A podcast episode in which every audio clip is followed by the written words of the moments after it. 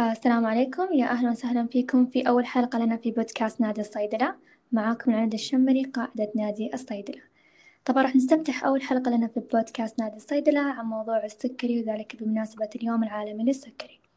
وخصصنا حلقتنا لهذا اليوم فقط للإجابة على أهم الأسئلة اللي تخص سكر الأطفال. يمكن تراود أي أم عندها طفل مصاب بالسكري. قبل لا نبدأ إذا حابين تعرفون إيش هو السكري وإيش هي أنواعه وإيش هي أسباب الوقوع بالسكري تابعونا على حسابنا في تويتر PF Club شرطة تحت diary جهزنا لكم انفوجرافيك بسيط ويحتوي على أهم المعلومات اللي تخص السكري. آه طبعا ضيفتنا لهذا اليوم استشاري غدد صماء وسكري الأطفال في مستشفى الملك عبد الله الجامعي بالرياض أستاذ إكلينيكي مساعد في جامعة الأميرة نورة نائب رئيس لجنة السكري في مستشفى الملك عبد الله الجامعي الزمالة السعودية والعربية في طب الأطفال الزمالة السعودية في طب بالغدد الصماء والسكري لدى الأطفال الزمالة الكندية في طب بالغدد الصماء والسكري لدى الأطفال من جامعة ماك ماستر كندا ودبلوم الأبحاث الطبية من جامعة ماك ماستر كندا. يا أهلا وسهلا دكتورة أحلام العتيبي نورتينا في أول حلقة لنا. هلا فيك أخت العنود. يعطيكم الله العافية. يعافيك. آه طبعا دكتورة أحلام اليوم راح تجاوب على أهم الأسئلة والشائعة بخصوص سكر الأطفال. آه جمعنا لكم أهم الأسئلة. من هنا نبدأ. أول سؤال ألا وهو ما هي أنواع السكر لدى الأطفال؟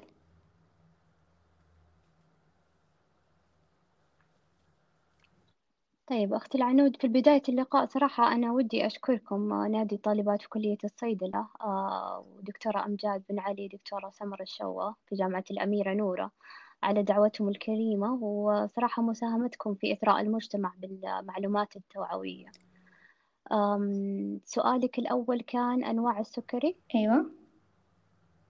أيوة. بالنسبة لأنواع السكري في الأطفال آه، طبعا النوع ال- المعروف والشائع لدى الأطفال هو النوع الأول من السكري يعني أكثر من تقريبا 95% أو نقول 95% من ال- السكري في الأطفال هو آه، له علاقة بالنوع الأول من السكري. طبعا النوع الأول من السكري هو يحدث نتيجة آه، آه، وجود أجسام مناعية في الجسم. هو مرض مناعي في أغلب الأحيان ويكون في زيادة الأجسام المناعية المضادة للبنكرياس. وبالتالي يتم يعني تدمير أكثر يعني من آه، 90% أو 90% من البنكرياس آه، لدى الطفل آه، وهو المسؤول عن إفراز الأنسولين في أجسادنا. آه، الشيء النوع الثاني واللي هو النوع آه، الثاني من السكري آه، هو آه، منتشر لدى الكبار زي ما الجميع عارف آه، ولكن آه، للأسف في الفترة الأخيرة مع زيادة آه، معدلات السمنة لدى الأطفال آه، صار عندنا آه، زي ما تقولي زيادة في عدد الأطفال المصابين بالنوع الثاني من السكري. آه، وغالب ال- غالبا الأسباب بزيادة السمنة. آه، في أنواع ثانية آه، نقدر نقول إنها آه، نادرة جدا آه، في الأطفال ولكن ممكن تحدث. آه، نسميها اللي هو سكري حديثي الولادة. يكتشف من الولادة إلى ستة شهور ويكون عادة أسبابه جينية. آه، في أسباب آه، لها علاقة بالأمراض المزمنة لدى الأطفال آه، أو استخدامهم آه، أدوية مثل الكورتيزون آه، آه، أو أدوية آه، آه، عادة ما تسبب آه، ضرر بالبنكرياس آه، بشكل آه، مؤقت أو بشكل دائم. أوكي. ما هي طب أعراض مرض السكري؟ متى أشك أن طفلي مصاب بالسكري؟ طيب إحنا آه، إذا بنعرف أعراض مرض السكري لازم نعرف آه، آه، إيش المشكلة الأساسية في مرض السكري. طبعا مرض السكري إحنا عندنا تقريبا مشكلتين يا أما يكون الطفل عنده نقص في هرمون الإنسولين في الجسم آه، هرمون الإنسولين موجود في الجسم ولكن في مقاومة من الجسم للهرمون. ف- فكأنه الطفل ما عنده إنسولين هو في الواقع عنده كمية كبيرة من الإنسولين. آه، النوع الأول من السكري اللي هو النوع الشائع زي ما يعني شرحنا إنه آه، يتم تدمير آه، الأنسولين من الأجسام المناعية في الجسم فما يكون في أنسولين في أجسادنا. فلما ما يكون في أنسولين في أجسادنا الأنسولين وظيفته الأساسية هو كالمفتاح. يفتح الخلايا ويدخل السكر من الدم إلى الخلايا في في جسم الطفل. والسكر أساسي يعني في العمليات الحيوية في الجسم. كمان الأنسولين يمنع تكسر الدهون في الجسم. هذه وظيفة ثانية للأنسولين. آه، والوظيفة الثالثة إن الأنسولين آه، آه، يساعد في تكوين وتخزين السكر في الكبد بكميات موزونة يستخدمها الجسم في حال في حال الصيام. بالنسبة للطفل المصاب بالسكري عدم وجود الأنسولين معناته أنه في عندنا كمية كبيرة من السكر في الدم. آه، والدم يتم آه، فلترته في الكلى آه، وإخراج المعادن والأملاح والمواد الزائدة في جسم الإنسان. واحدة من هذه الأشياء اللي هي السكر الجلوكوز. فلما يكون نسبة الجلوكوز عالية في الدم زي الأطفال اللي عندهم سكري يتم طرحه في البول. والسكر يسحب معاه سوائل. فبالتالي الطفل يصير عنده زيادة في التبول. من هنا نفهم أعراض السكري يصير عنده زيادة في التبول. زيادة في التبول معناته يفقد سوائل الطفل. معناته يحاول يعوض بالشرب فيكون عندهم زيادة في شرب الموية.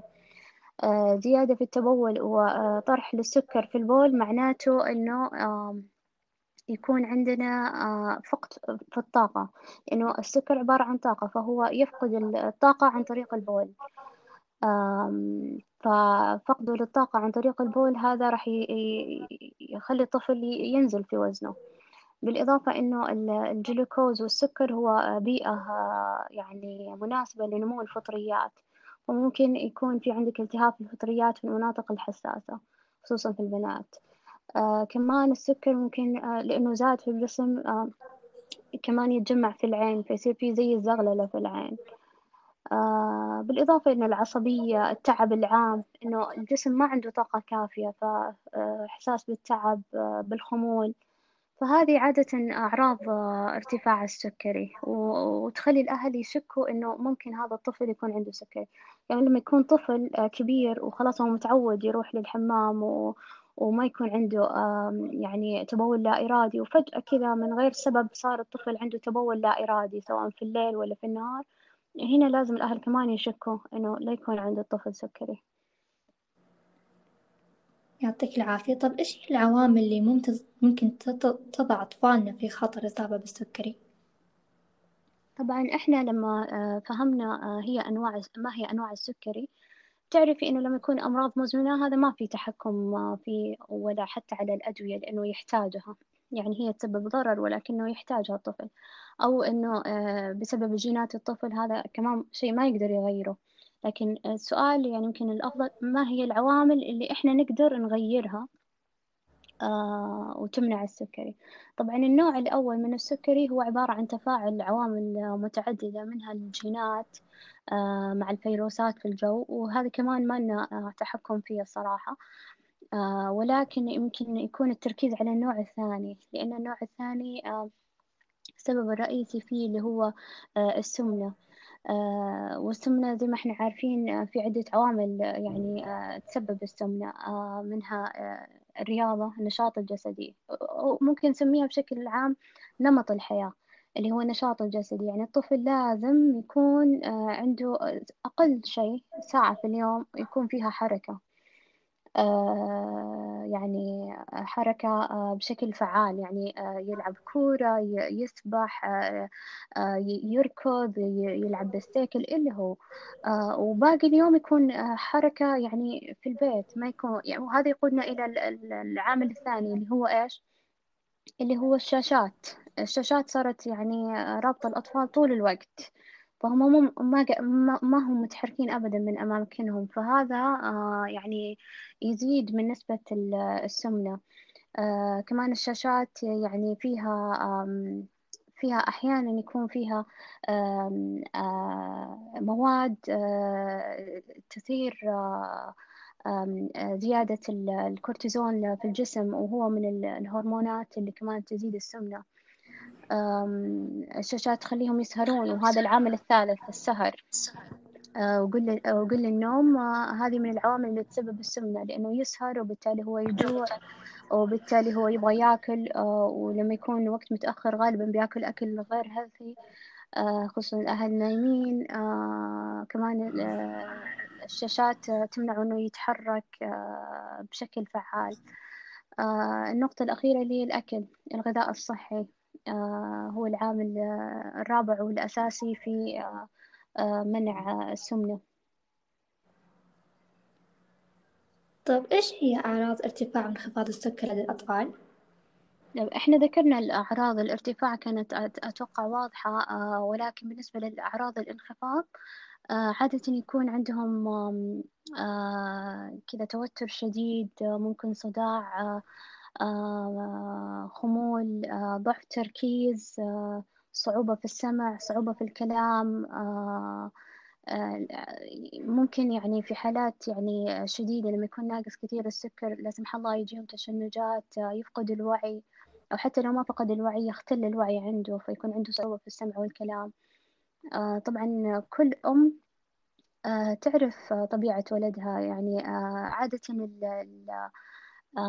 الأطفال مع الوقت يكون عندهم نمط آه إنه لما يكون عنده انخفاض يقول أنا أحس إني جوعان مثلا كمان الإحساس بالجوع واحدة من العلامات. أو يقول إنه أنا عندي صداع. فدائما غالبا يكون عندهم نمط.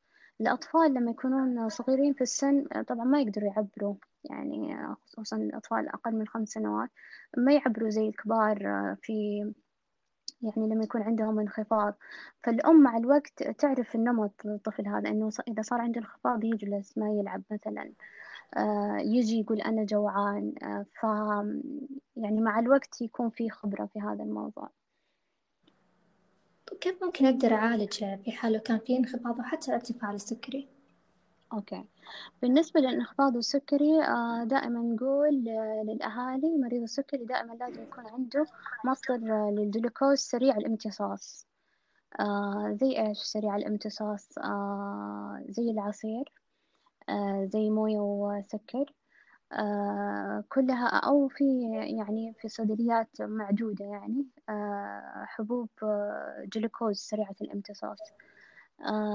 طبعا لازم يكون معاه طول الوقت. هو في البيت هو في المدرسة هم طالعين أي مكان لازم يكون في مصدر للجلوكوز سريع الامتصاص لأنه ما تعرف متى يصير معاه الانخفاض.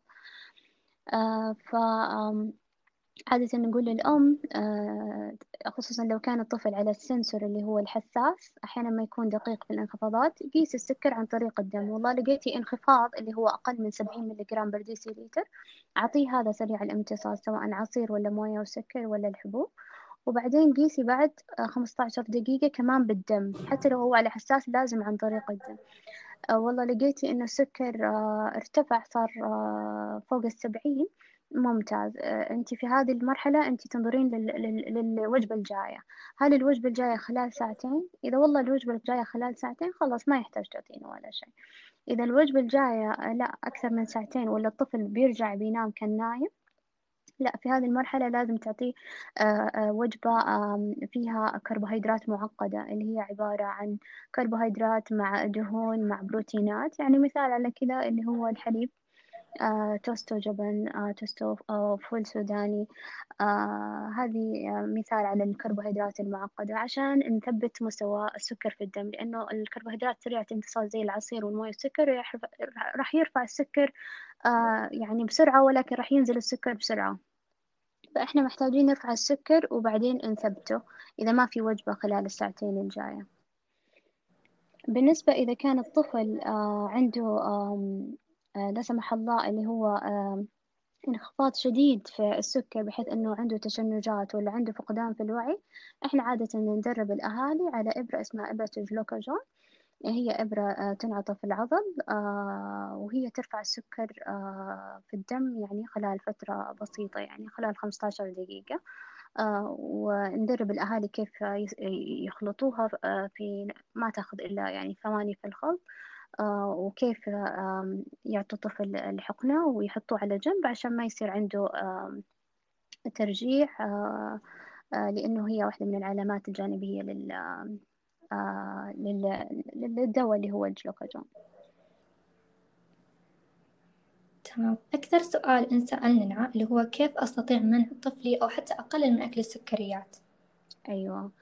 طيب إحنا دائما نقول للأهالي آه، إنه أنت تتعامل مع طفلك آه، المفروض في غذائه آه، زي الأطفال آه، الطبيعيين آه، السليمين. إحنا دائما نقول إنه الطفل يحتاج آه، تغذية آه، متكاملة آه، متوازنة. فأنا عادة بشكل بشكل عام أقول إنه أصلا السكريات ما هي ما هي المفروض أصلا تكون من الغذاء آه، للطفل. أخت العنود تسمعيني؟ أي أسمعك. أيوة. آه، مو المفروض تكون آه، من روتين الطفل اليومي. اللي هو الحلويات العصير الشبس الأكل اللي هو أبدا مو صحي. طيب فعادة هذه يعني لأنه الأطفال إلا ما يشتهوها فنكون منطقيين يعني إحنا عندنا أطفال. فكل يعني ما, ما تكون جزء من حياتهم اليومي ولكن يعني بعد ف يعني إذا الأهل أصلا آه، نمط غذائهم أبدا شايلينه والطفل ما يطلب ممتاز ولكن لو كان يطلب ويشوف الناس اللي حوله هذا الكلام كله إنه بعد فترة وفترة آه، ممكن تعطيه كمية صغيرة من من هذه الحلويات. طيب بالنسبة للأشياء اللي زي مثلا الآيس كريم زي الكيك آه، لما لما يكون في حفلة لما يكون في مناسبة آه، دائما نقول طفل السكري زي الأطفال الثانيين في الأكل. باستثناء إنه الأطفال الثانيين راح يأكلوه جسمهم البنكرياس راح يفرز الأنسولين ويعدل السكر طيب ولكن طفل السكري الأهل المفروض يحسبوا كمية الكربوهيدرات في الأكل ويعطوا جرعة عليه أنسولين يعني الفرق إنه هو بياكل نفس الشيء بياكل كيك بياكل آيس كريم بياكل يعني whatever ياكلها وقبل ما ياكلها نحسب كم آه، فيها كمية الكربوهيدرات ونعطي عليها أنسولين هذا هو الفرق. okay. آه نختمها في أهم سؤال وهي ما هي الأخطاء التي يجب أن يتجنب فعلها للمحافظة على سلامة طفلي المصاب بالسكري؟ آه، بالنسبة للأخطاء يعني اللي إحنا نشوفها آه، الأمهات مثلا اللي يعطوا الأنسولين بعد الأكل. آه، هذه واحدة من الأشياء. الأنسولين عادة ال- ال- ال- الآن متوفر موجود يشتغل بعد عشرة إلى خمسة عشر دقيقة. فأنت لما تعطي الأنسولين بعد الأكل السكر already يعني أكل الطفل already امتص خصوصا لو كان سريع الامتصاص. ولما تعطي الأنسولين يكون قمة آه، نشاط الأنسولين بعد قمة ارتفاع السكر فما صار في توافق. الهدف يعني آه، اللي كنا نبغاه من إن نعطي الأنسولين آه، قبل الأكل آه، يعني ما ما قدرنا نتوصل له. آه، والدراسات أوضحت إنه مو بس أنت تبغى تحافظ على مستوى سكر آه، يعني منتظم آه، عند الطفل أو معدل تراكمي آه، ممتاز. آه، كمان أنت تحتاج آه، ما يكون في ارتفاعات آه، يعني قمم من الارتفاعات في السكر آه، يعني متكررة. آه، وجدوا أن هذا مرتبط آه، بالمضاعفات طويلة المدى حتى لو كان المعدل التراكمي كويس. فإن الأم تعطي الأنسولين قبل الأكل هذا مرة ممتاز. آه، الدراسات وضحت إنه لما تعطيه قبل الأكل آه، بعشر دقايق عشر دقيقة خصوصا على الأنواع الموجودة الآن آه، هذا راح ينقص التراكمي تقريبا فاصلة أربعة وتعتبر هذه نسبة كويسة. الشيء الثاني اللي هو زي ما قلنا إنه يحتاجوا يكون معاهم مصدر للجلوكوز سريع الامتصاص آه، في أماكن عدة. آه، الشيء الثالث آه، كثير من الأمهات يمنعوا أطفالهم من الرياضة بحجة إنه آه، راح يسبب انخفاض. طيب آه، إحنا لازم نفهم إن الرياضة شيء مرة أساسي آه، في آه، روتين الطفل السكري. آه، وإنها آه، تزيد من حساسية الجسم للأنسولين بالتالي تقلل من جرعات الأنسولين آه، تقلل من السمنة واللي هي أصلا آه، عامل آه، إضافي إلى السكري في آه، زيادة خطر الإصابة بأمراض القلب والمضاعفات طويلة المدى. آه، كمان يعني آه، تحسس الطفل بشعور عام بالصحة واللياقة. فصحيح إنه بعض الرياضات تسبب انخفاض في السكر ولكن إحنا لازم نعرف كيف هي تسبب انخفاض وبالتالي نتعامل معاه ما نمنع الطفل من الرياضة. بمعنى إنه آه الطفل آه إذا كانت الأم عارفة إنه عنده مثلا نشاط جسدي مثلا بيلعب سيكل بيلعب كرة قدم في هذا الوقت وكانت الوجبة اللي قبلها آه خلال الأربع ساعات ممكن تنقص الجرعة. بنسبة خمسين بالمية. تبدأ. طبعا السكر عبارة عن تجربة. دائما نبدأ وبعدين نغير على حسب آه، التجاوب فتبدأ تنقص الجرعة خمسين بالمية. طيب لنفرض إنه لا آه، الرياضة ما هي قريبة من وقت الوجبة. إيش يسوي الطفل؟ لازم الأم دائما تقيس السكر قبل الرياضة. يكون آه، معدل السكر من تسعين إلى ميتين وخمسين. إذا أقل من تسعين تعطيه وجبة خفيفة وسريع الامتصاص وتقيس بعد خمسة عشر دقيقة. والله ارتفع تسمح له بالرياضة. كل ثلاثين دقيقة من الرياضة ممكن تعطيني عليه خمسة عشر جرام من الكربوهيدرات. والشيء الثاني إنه بعد ما يخلص الطفل الرياضة ممكن تقيس السكر. وقت النوم شيء ضروري ياخذ وجبة خفيفة قبل ما ينام لأنه الانخفاض مع الرياضة ممكن يمتد إلى آه، يعني ساعة. فتعطيه وجبة خفيفة قبل النوم تقيس قبل النوم. آه، فكل هذه يعني أشياء تساعد. لو كان الطفل على المضخة ممكن تقلل ضخ المضخة بخمسين بالمية أو حتى تفصل المضخة لمدة ساعة وتشوف كيف. وكل طفل عن طفل يختلف. كلها يعني تجربة آه، ونشوف تجارب الطفل. ما في قاعدة عامة للجميع. لكن الخلاصة الرسالة الرياضة شيء مهم جدا لطفل السكري. يعطيك ألف عافية دكتورة أحلام العتيبي وبكذا نختم حلقتنا لهذا اليوم. نتمنى أننا فعلا جاوبنا على أهم أسئلتكم وتكونوا استفدتوا. ونادي الصيدلة وكلية الصيدلة كلها تتقدم جزيل الشكر لك دكتورة أحلام العتيبي ما قصرتي. الله يعطيكم العافية. شكرا لكم. إذا حابين تسمعون وتعرفون أجوبة أهم الأسئلة الشائعة اللي تخص سكري كبار السن خليكم قريبين في حلقتنا القادمة بإذن الله. وشكرا لحسن استماعكم. في أمان الله.